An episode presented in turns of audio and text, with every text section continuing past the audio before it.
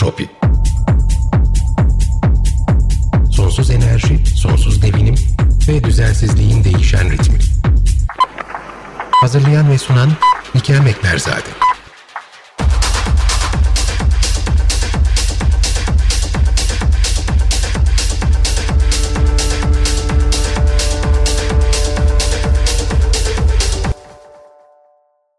Avrupa Orman Yangınları Bilgi Sistemi verilerine göre 28 Temmuz tarihinden bu yana sadece Muğla ve Antalya illerinde yanan ormanlık alan 178 bin hektara ulaşmış durumda. Bu alana Tunceli, Mersin ve diğer illerde çıkan orman yangınları dahil değil. Orman yangın dosyamızın dördüncü ve son bölümünde bu yangınlar sonrası arazideki değişimi ve bu değişimin beraberinde getirdiği heyelan riskini İstanbul Teknik Üniversitesi Avrasya Yer Bilimleri Enstitüsü'nden doçent doktor Tolga Görüm ile birlikte konuşacağız. Bugün günlerden 20 Eylül 2021 Entro Entropi'ye hoş geldiniz.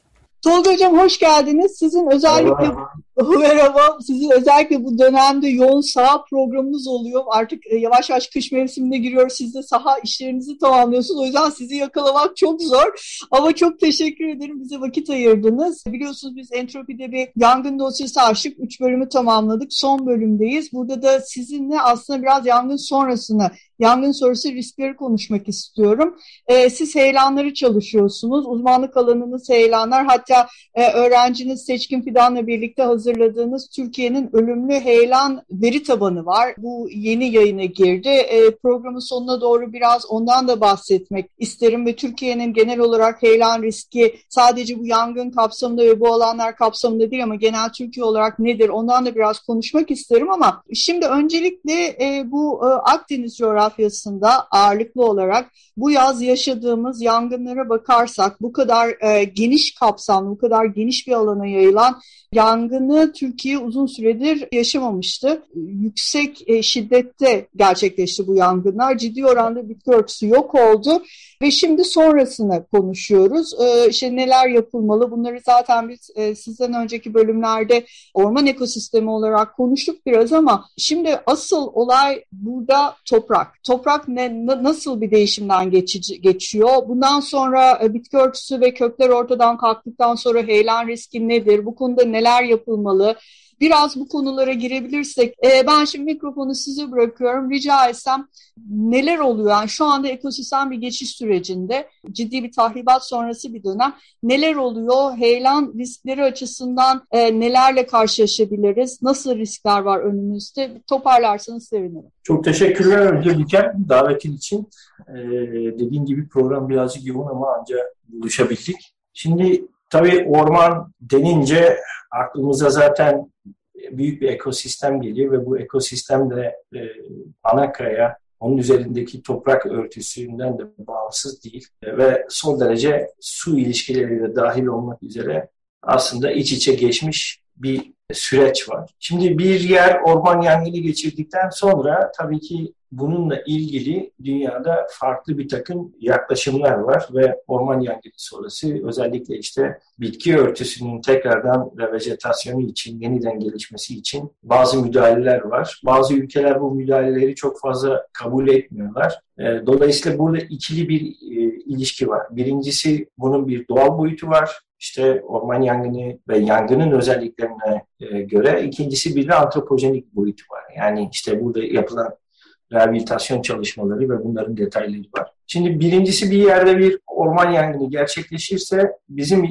yer bilimci olarak aslında fiziksel değişimler var. Süreçte olan değişiklikler var. Bir de burada oluşan bizim yer şekilleri dediğimiz alanlarda çünkü ormanın çok yüksek engebeli bir yerde e, başlamış ve etkin olması farklı. Daha işte e, eğimin veya topografik anlamda daha düz ve düze yakın kıyı kesimlerde gerçekleşmiş olması durumu farklılıklar içeriyor. Öncelikle birincisinde tabii ki vejetasyon ortadan kalkıyor ve yüksek bir ısı açığa çıkıyor. Özellikle ormanda üst yani meselenin üst kısımları değil sadece kök sistemleri de neredeyse haftalarca e, yanıyorlar ve bulunduğu özellikle toprağın içerisindeki mineralojik kil yapısını değiştirecek kadar bir takım farklılıklara yani mineralojik özelliklerini bile değiştirebiliyorlar. Dolayısıyla bir orman yangını gerçekleştikten sonra beklenen şu, orman yangınının gerçekleştiği alanda yapılan birçok çalışma var. Örneğin bizim de yürüttüğümüz bir projemiz var. Burada e, sezyum 137 gibi veya berilyum 7 gibi fallout radyonükleikler dediğimiz atmosferden toprağın içerisine sızan yani yapay olan bir takım işte nükleer denemeler veya patlamalar sonucu açığa çıkıyor sezyum 137 ve bir element olarak hemen kaybolmuyor her yağışta toprağın derinliklerine iniyor ve biz o iz elementleri kullanarak erozyon hesaplıyoruz. Dünyada birçok yerde bu çalışmalar var ve yapılan çalışmaların sonuçları şunu gösteriyor aslında. 5 yıl boyunca erozyon orman yangını sonrası en pik noktaya çıkıyor. Toprak erozyonu başlıyor. Kütle hareketleri, işte heyelanlar başlıyor. Özellikle moloz akmaları dediğimiz çok hızlı bir şekilde e, yangın sonrası açığa çıkan e, bir takım değişimler sonrası işte toprakta veya ana kayanın tahliyesi bir takım vadiler boyunca hızlı bir şekilde gerçekleşiyor. Ve bunları hareket ettirebilecek e, yağış eşikleri yangın sonrası değişiklik gösteriyorlar. Yani bir saatte işte 3 milimetre ya da 5 milimetre, 10 milimetrelik bir yağış aslında orman varlığı yanmamış bir ormandan bahsediyorum. E, bir moloz akmasının e, başlatabiliyorsa ki orman yani ormanların yoğun bulunduğu alanlarda aslında moloz akmaları çok düşük. E, dolayısıyla oradaki vejetasyon ortadan kalkıp işte kül gibi özellikle bu yangın ana kayalarda çatlatmaya da sebep oluyor yüksek ısından dolayı. Birçok malzeme geliyor ki Türkiye'deki rehabilitasyon çalışmalarıyla da biz şunu da görüyoruz. E, bir de boşaltım kesimleri oluyor. Yani mevcut yanmış ağacı orman içerisinden, o alanın içerisinden almanız gerekiyor ki tekrardan revejetasyona veya ormanı yeniden güçlendirmek için şeyi açın. Dolayısıyla bunlar boyunca yapılan yollar ve bu sırada açığa çıkartılan sedimanla birlikte e, yaklaşık olarak 5 yıl sonra e, eski koşullarına geliyor. Ve şunu ifade edeyim, bir orman yangını sonrası ortalama erozyon miktarı 50 katına kadar çıkabiliyor. Bazı yerlerde 100 katına kadar çıkabiliyor. Biz Göcek 2019 yangınında 15 kilometre karelik e, bir yüksek engebeli bir alanda çalışıyoruz. Bizim bulunduğumuz alanda özellikle müdahaleyle birlikte neredeyse 500 katına çıkmış erozyon miktarı. Dolayısıyla orman yangını sonrası eğer yüksek oranda bir sediman e, yamaçlar boyunca hareket ediyor ve bu hareket sonrası işte bir takım moloz akmalar oluşabiliyor. Bunların hem o bölgede yaşayan insanlar hem içme suyu kalitesindeki değişimler hem orada yaşayan işte e, canlılar veya işte oradaki habitat için e, bir takım problemler de içeriyor. Çünkü e, aslında siz uzun dönemde erozyon ekseleri olduğu için yerine gelecek yeni ormanda bulabildiği işte toprak kalınlığında belirgin bir değişikliği gerçekleştirmiş oluyorsunuz. Ee, daha sonra bunun diğer bir sonucu işte oradan açığa çıkan malzemeyle birlikte herhangi bir akarsular boyunca askıda sediman miktarını arttırdığınız için o akarsular içerisinde yaşayan işte e, canlılar için oksijen miktarını azaltmış oluyorsunuz. Ve içme suyuyla ilgili o akarsuyun döküldüğü bir baraj varsa o barajın siltasyon popülasyonunu arttırmış oluyorsunuz, ömrünü yarılamış oluyorsunuz. Ve böyle bir doğal veya antropojenik yolla başlayan bir yangın, büyük yangınlar sonrası aslında hem erozyonda hem akışta runoff dediğimiz ve sonrasında da işte özellikle heyelanlar konusunda hem hidrolojik hem de yamacın erozyonel e, bir takım ilişkilerini değiştiriyorsunuz. Bazı alanlarda mesela yarıntı ve oyuntu erozyonu hiç yokken vejetasyon koşulları kanopiyle çünkü ya e, ağaçlar e, özellikle damla erozyonunu veya bir takım kanalların oluşmasını da yüzeyi koruyorlar. Hem kök yolu hem e, orman altı bitki örtüsüyle. Dolayısıyla aslında hiç orada e, erozyonla ilgili bir problem yokken yangın sonrası bambaşka bir e, yöne doğru gidip erozyonla ilgili bir takım problemlerimiz de olmaya başlıyor. Burada hocam ee, hemen araya girip ufak bir parantez açmak istiyorum. Evet. Lafınızı unutmayın lütfen. E, bunu bana siz söylemiştiniz ve çok ilgimi çekmişti. Şimdi biz özellikle makilerde üst vejetasyon yandığı zaman köklerden tekrardan rejenerasyon olduğunu biliyoruz. Ama kızılçamlar e, söz konusu olduğu zaman siz kızılçamların kök sisteminin de e, yanabildiğini söylemiştiniz. E, şimdi az önce yüksek ısılardan özellikle yamaç yangınlarındaki yüksek ısılardan bahsettiniz. Sizin gene gönderdiğiniz makaleye e, geri dönersek orada çok ciddi oranlardan bahsediyordu. Ben dinleyicilerimize paylaşmak istiyorum. Kaliforniya'daki e, bu yangınlar süresinde yapılan ölçümlerde 210-250 derece arası yangının e, şiddetinin yüksek olduğu yerlerde ölçümler yapılırken yamaçlardaki e, yanan arazide yangın esnasında 1100 dereceye kadar 1100 derece santigrata kadar yangın şiddetinin yükseldiğini gözlemleyebiliyorlar. Bu çok ciddi bir şiddet. E, ben e, daha farklı düşünürdüm. Hani biz hep deriz ya bir işte topografik engele geldiği zaman yangın durur işte vadide belki hani arka tarafa geçmez ama e, vadide yamaçlardan oluşuyor neticesinde. Bu gerçekten e, yüksek bir şiddet ve yangının yayılması için de muhtemelen e, ciddi bir risk oluşturuyordur. Aynı zamanda Kızılçamlarla ilgili de bu köklerin yanması, siz konuşmanızın başında da bahsettiniz, haftalarca kök yangınları sürebiliyor dediniz. Bu da tabii eminim heyelanlar için köklerin oradan yanarak kaybolması ciddi bir risk oluşturuyordur. Her ne kadar makiler kendi köklerini koruyor olsalar da Kızılçam gibi kökleri yanabilen ağaçlar e, yanması sonucu oradan ciddi bir kök kaybı oluyor. E, bu da oradaki e, zaten bu bölgedeki ana kayanın üzerinde ince bir tabaka oluşturan toprağın kaybolması için ciddi bir aracı oluyordur. Siz bunları muhtemelen Göcek'teki yangınlarda da ya yani oradaki yangın arazisinde de tespit etmişsinizdir öyle değil mi? Evet, evet. Şimdi orada tabii e, şöyle bir e, durum söz konusu. E, yamaçlarda ısının çok daha işte yüksek noktaları çıkmasını da kontrol eden yangın esnasında işte rüzgar yönü gibi bir takım faktörler de var. Ve bunlar e, bu orman içerisinde bulunan her işte e, bitki aslında bir e, nasıl diyeyim orayı besleyen bir e, fuel e, niteliğinde. Yani burada zaten siz malzemeyi yakıt olarak o alanlarda bulunduruyorsunuz.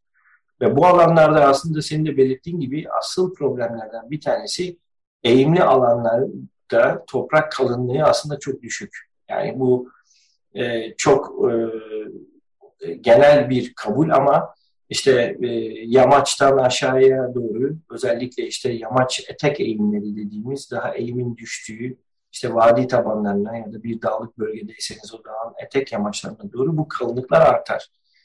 Ama yamaç yukarı kesimlerinde toprak örtüsündeki kalınlık aslında e, ağacın şöyle bir desteği de var. Kök yoluyla işte kazık ya da işte ne bileyim daha e, yayvan e, kök sistemleriyle bir mekanik olarak da tutuluyor. Ve bizim suction matris dediğimiz işte e, bu toprak içerisinde suyu emme kapasitesi doğal koşullarda yüksek. Yangın esnasında birçok burada e, kil özellik değiştirdiği için ısıyla birlikte sonraki gelen yağışı büyük ölçüde aynen bunu bir kil kap gibi düşünün. ısıya maruz kalmış ve o ısıya maruz kalan killer bu sefer plakalar boyunca birbirlerini tutunmaya ve yapışmaya başlıyorlar. Dolayısıyla gelen yağış aşağıya doğru sızmıyor. Aslında ne varsa bu yüzeyin üzerinde her şeyi boşaltmaya başlıyor. Dolayısıyla bunun da derine intikal eden bir yani bir eşiği var. Bu eşik yüksek kesimlerde toprak kalınlığı da çok yüksek olmadığı için aslında sonraki 5 yıl içerisinde bu toprağı kaybetmeniz demek e, bir sonraki jenerasyonda işte sizin tekrardan bitkiyle, ekim yoluyla veya işte bunların rejenerasyonunu beklemeniz oranı da giderek düşüyor, seyrediyor aslında bunlarda. Dolayısıyla böyle de aslında negatif bir e, çıktısı da var.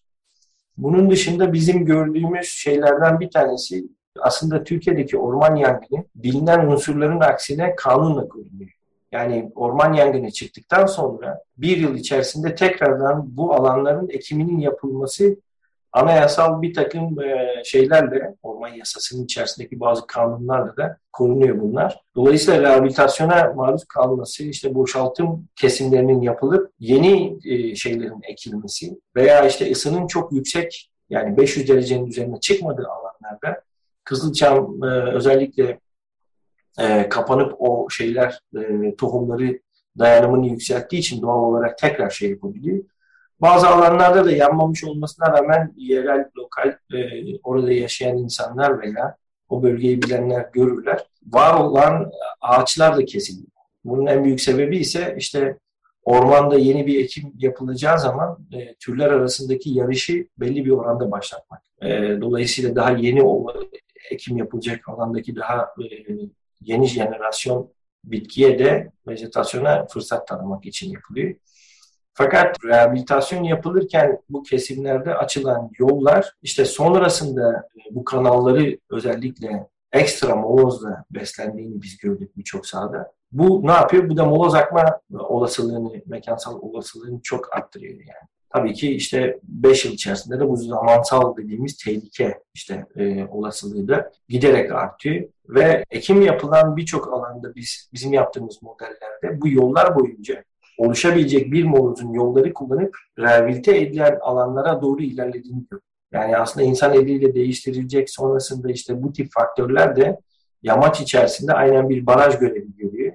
Ve o barajda tabii ki e, moloz miktarı o seviyeyi, yol seviyesine aştığı gibi yolun etrafında kanalize olmadan ve daha işte kanalların bulunmadığı yamaçlarda ekimin yapıldığı alanlara doğru da tahribatı yükseltebiliyor. Yani bu da sizin aslında pozitif e, bir şey yapmak istiyorsunuz.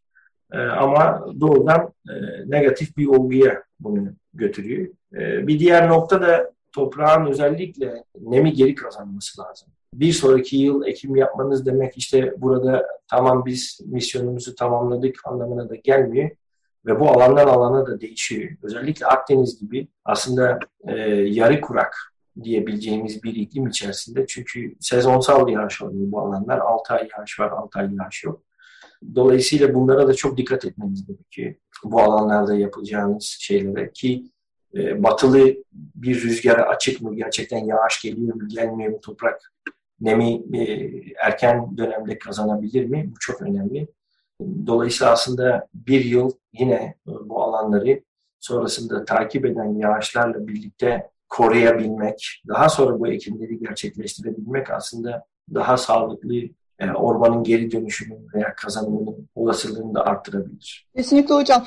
Ee, bir de tabii ki bu, burası evet yarı kurak bir iklim ama aynı zamanda kış yağışları özellikle son dönemlerde daha kısa süreli ve daha şiddetli yaşanıyor. Belki genel olarak e, düşen yağış miktarında tamamında e, bir değişiklik yok fakat bunun periyodu daha kısa, e, yağış şekli daha e, şiddetli, metrekareye düşen yağış olarak. Şimdi burada biz e, bir alandan bahsediyoruz. E, bu alan halkın da dediği gibi dağ taş yandı. Yani sadece bitki örtüsü yanmadı aynı zamanda taşlar, oradaki kayalar da bu e, çok yüksek sıcaklıklara maruz kaldılar. Siz demin bahsettiniz. Bu da aynı zamanda bu e, ana kayaların da aşınması için bir faktör öyle değil mi?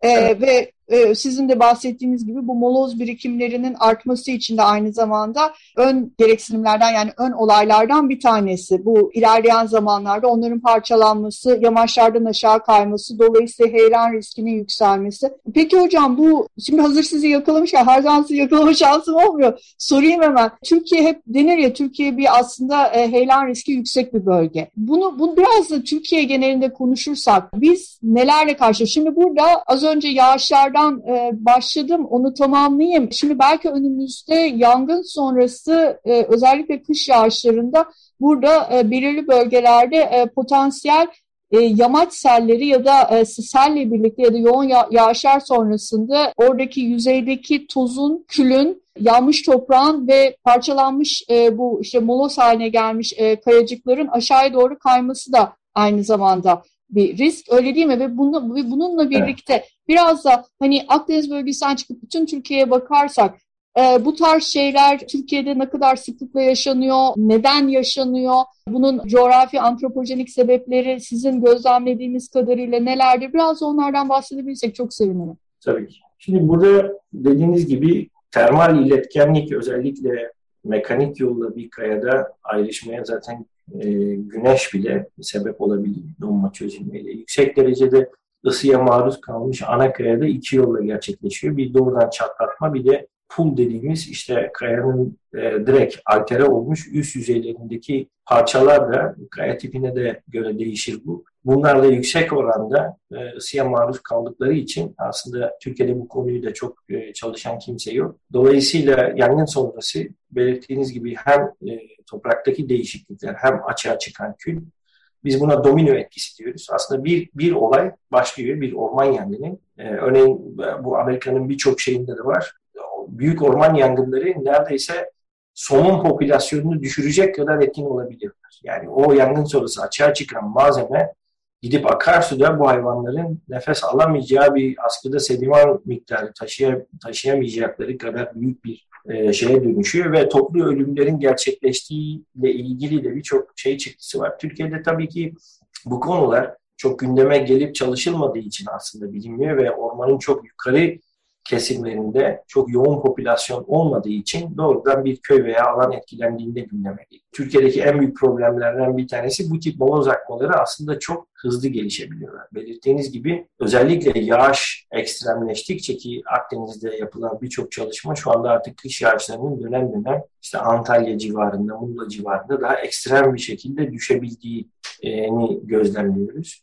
Dolayısıyla bu alanlarda bitki örtüsü yoksa ve açığa çıkmış hazır bir malzeme var, o malzeme çok hızlı bir şekilde taşınıp havzanın aşağı kesimlerinde birçok alanı etkileyebilir. Bu etkiden doğrudan insanların ölmesi veya işte yerleşimlerin etkilenmesi olarak düşünmemek lazım bunun ilerleyen zamanda hem tarımsal alanlara verdiği zararlar. Çünkü bu biz şeyden bahsetmiyoruz. Bunlara bunlar genel olarak Türkiye'de rusubat olarak değerlendiriliyor bu molozlar. İşte ağaç, organik parça, kül, işte ne bileyim moloz, taş parçası, kaya parçası gibi düşünün bunları. Bunlar ekili alanları da kapladığı zaman artık sizin orada herhangi bir e, uzun bir süre tarım yapamamanız da demek aynı şekilde.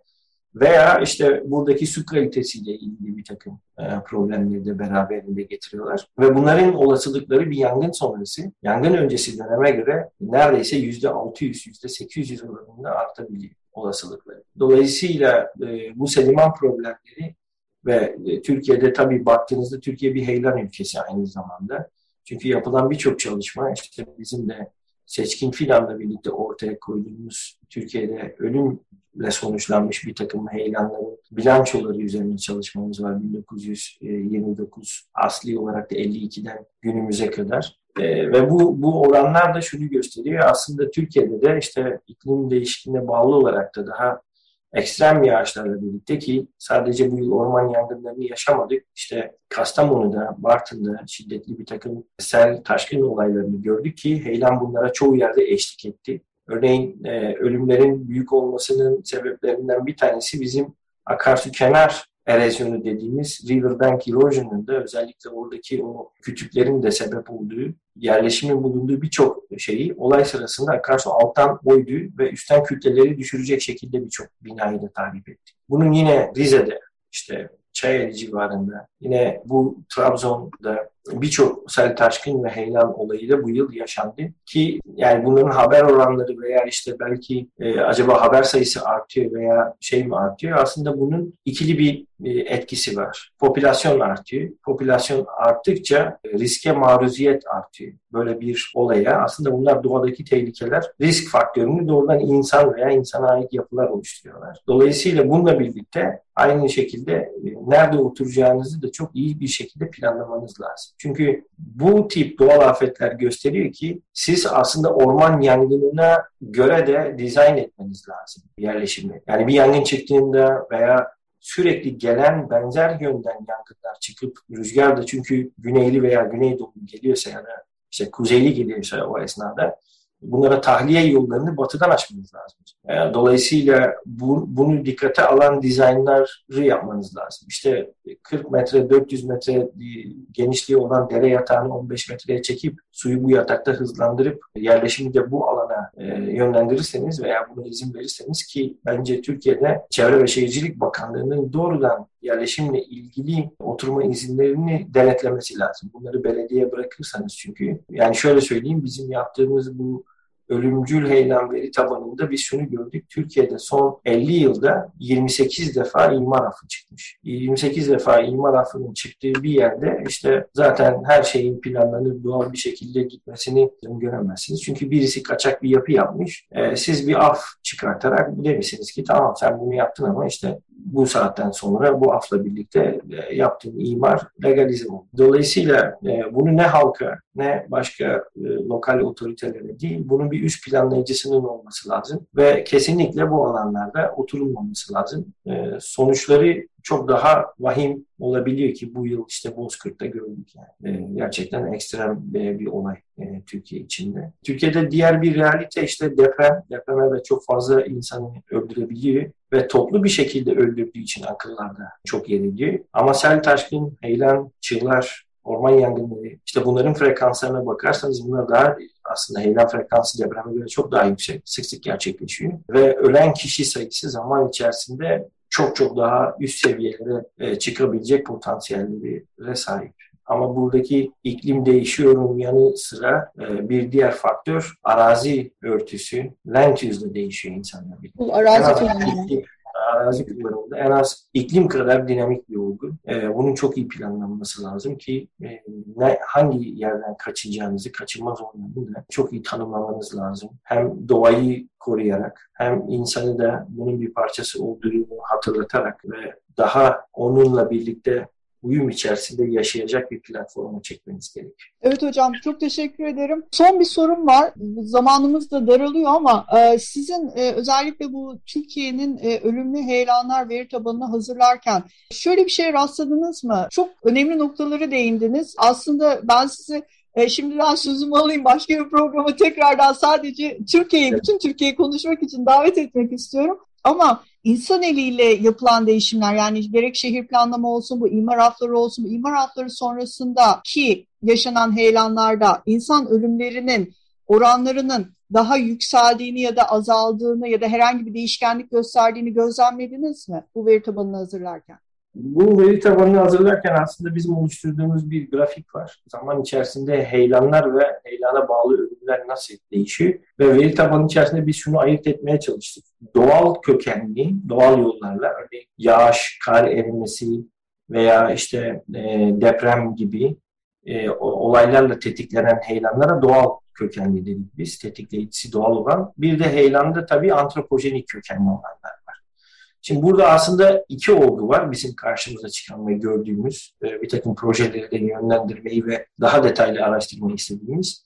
Son 15 yılda özellikle 2003 yılından itibaren giderek artan, son 15 yılda da tırmanan antropojenik bir etkiyi görüyoruz. Bunda hem şehirlerde ve işte özellikle şehir çevresindeki alanlardaki yapılaşmayla birlikte oluşan bir takım büyük projelerle birlikte aynı zamanda artan bir heyelan var. Bunun kökeni tamamen antropojenik ve neredeyse doğal olanlarla bile karşılaştırılabilir hale gelmeye başlamış. Fakat bizim gördüğümüz aslında burada daha tehlikeli bir komponent var. Şimdi örneğin bu yıl Karadeniz'de diyelim ki işte Çayeli'nde bir yağış gerçekleşti. Bundan önce Ordu'da vardı mesela işte yine Artvin'de, Hopa'da vardı. Şimdi biz heyelanların nerede gerçekleştiğine baktığımızda bu heyelanların büyük bir kısmının orman örtüsünün kaldırılıp çay gibi, fındık gibi bu tip plantasyonlara dönüştüğü yerlerde gerçekleştiğini gördük. Dolayısıyla biz bunları her ne kadar doğal yollarla yağışla tetiklenmiş olarak görsek de uzun dönemde aslında görünmeyen bir kol var. Veya aslında irdelemeniz gereken bir kol var. O da antropojenik etki. Gerçekten bu alanlar değiştikten sonra mı örneğin yağıştaki eşik değerleri düştü? Yani söyle, kastettiğim ve söylemek istediğim şu. Ormanlık bir arazide belki 2 saatte düşecek 15 milimetrelik bir yağışla tetiklenen heyelanlar o orman örtüsü ortadan kalktığı ve yerine kök sisteminin çok daha zayıf olduğu, toprağı tutamayan çay gibi onların kök sistemleri çünkü 1-1,5 metrede bitiyor ya da fındık gibi ürünler gelerek bu alanlarda mesela bu eşik değerleri gerçekten 2 e, saatte e, işte 6 milimetreye indi ya da 7 milimetreye indi. Ee, asıl bunların da üzerinde çalışılması lazım. Yani dediğim gibi iklim değişikliği ya da yağışlar veya doğal e, bir takım ekstrem e, unsurlar ne kadar bunlarda etkinse aslında bunun da bir e, uzun bir geçmişi ve çok da uzun demeyeyim son 15-20 yılda veya işte 30-40 yılda ki bizim 2008'de bir çalışmamız var. De Hacettepe Üniversitesi'nden Hakan Nefeslioğlu'yla birlikte yaptığımız. Örneğin biz her Anavatan Partisi'nin döneminde e, çay plantasyonu ile ilgili çıkan kanunda Doğu Karadeniz'de heyelan miktarı %400 artmış. Dolayısıyla yeni açtığımız ekim alanlarını bekletiyorsunuz. İşte bu alanlarda niye? Çünkü bu alanlar zaten alterasyonu yüksek, e, toprak kalınlığı yüksek, kök sistemi yoksa erozyonel kütle hareketlerine çok fazla açık var. Ve biraz da bunların üstüne lazım. Yani insanın hem doğrudan bir tetikleyici unsur olarak doğrudan altyapı çalışmalarıyla işte yoldu, e, alanı değiştirdiği veya işte ne bileyim maden çalışmalarıyla birlikte heyelan tetiklediği birçok koşul var. Bir de uzun dönemde böyle bir etkisi var. Bunu da çok dikkate almak lazım ki bu giderek artıyor. Çok teşekkür ederim hocam. Ben teşekkür ederim. Sonuna geldik. E, daha bir sürü soru havada kaldı. E, onları dediğim gibi ilerleyen programlarda sizinle beraber tekrardan masaya getiririz. Ee, görüş, görüşmek üzere. iyi çalışmalar görüşmek size. Üzere. Teşekkürler. Mükemmel. Görüşmek üzere.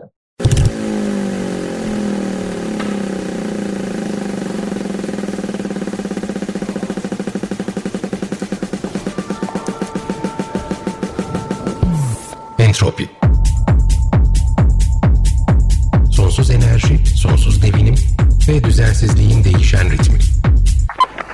Hazırlayan ve sunan Nikel Meklerzade.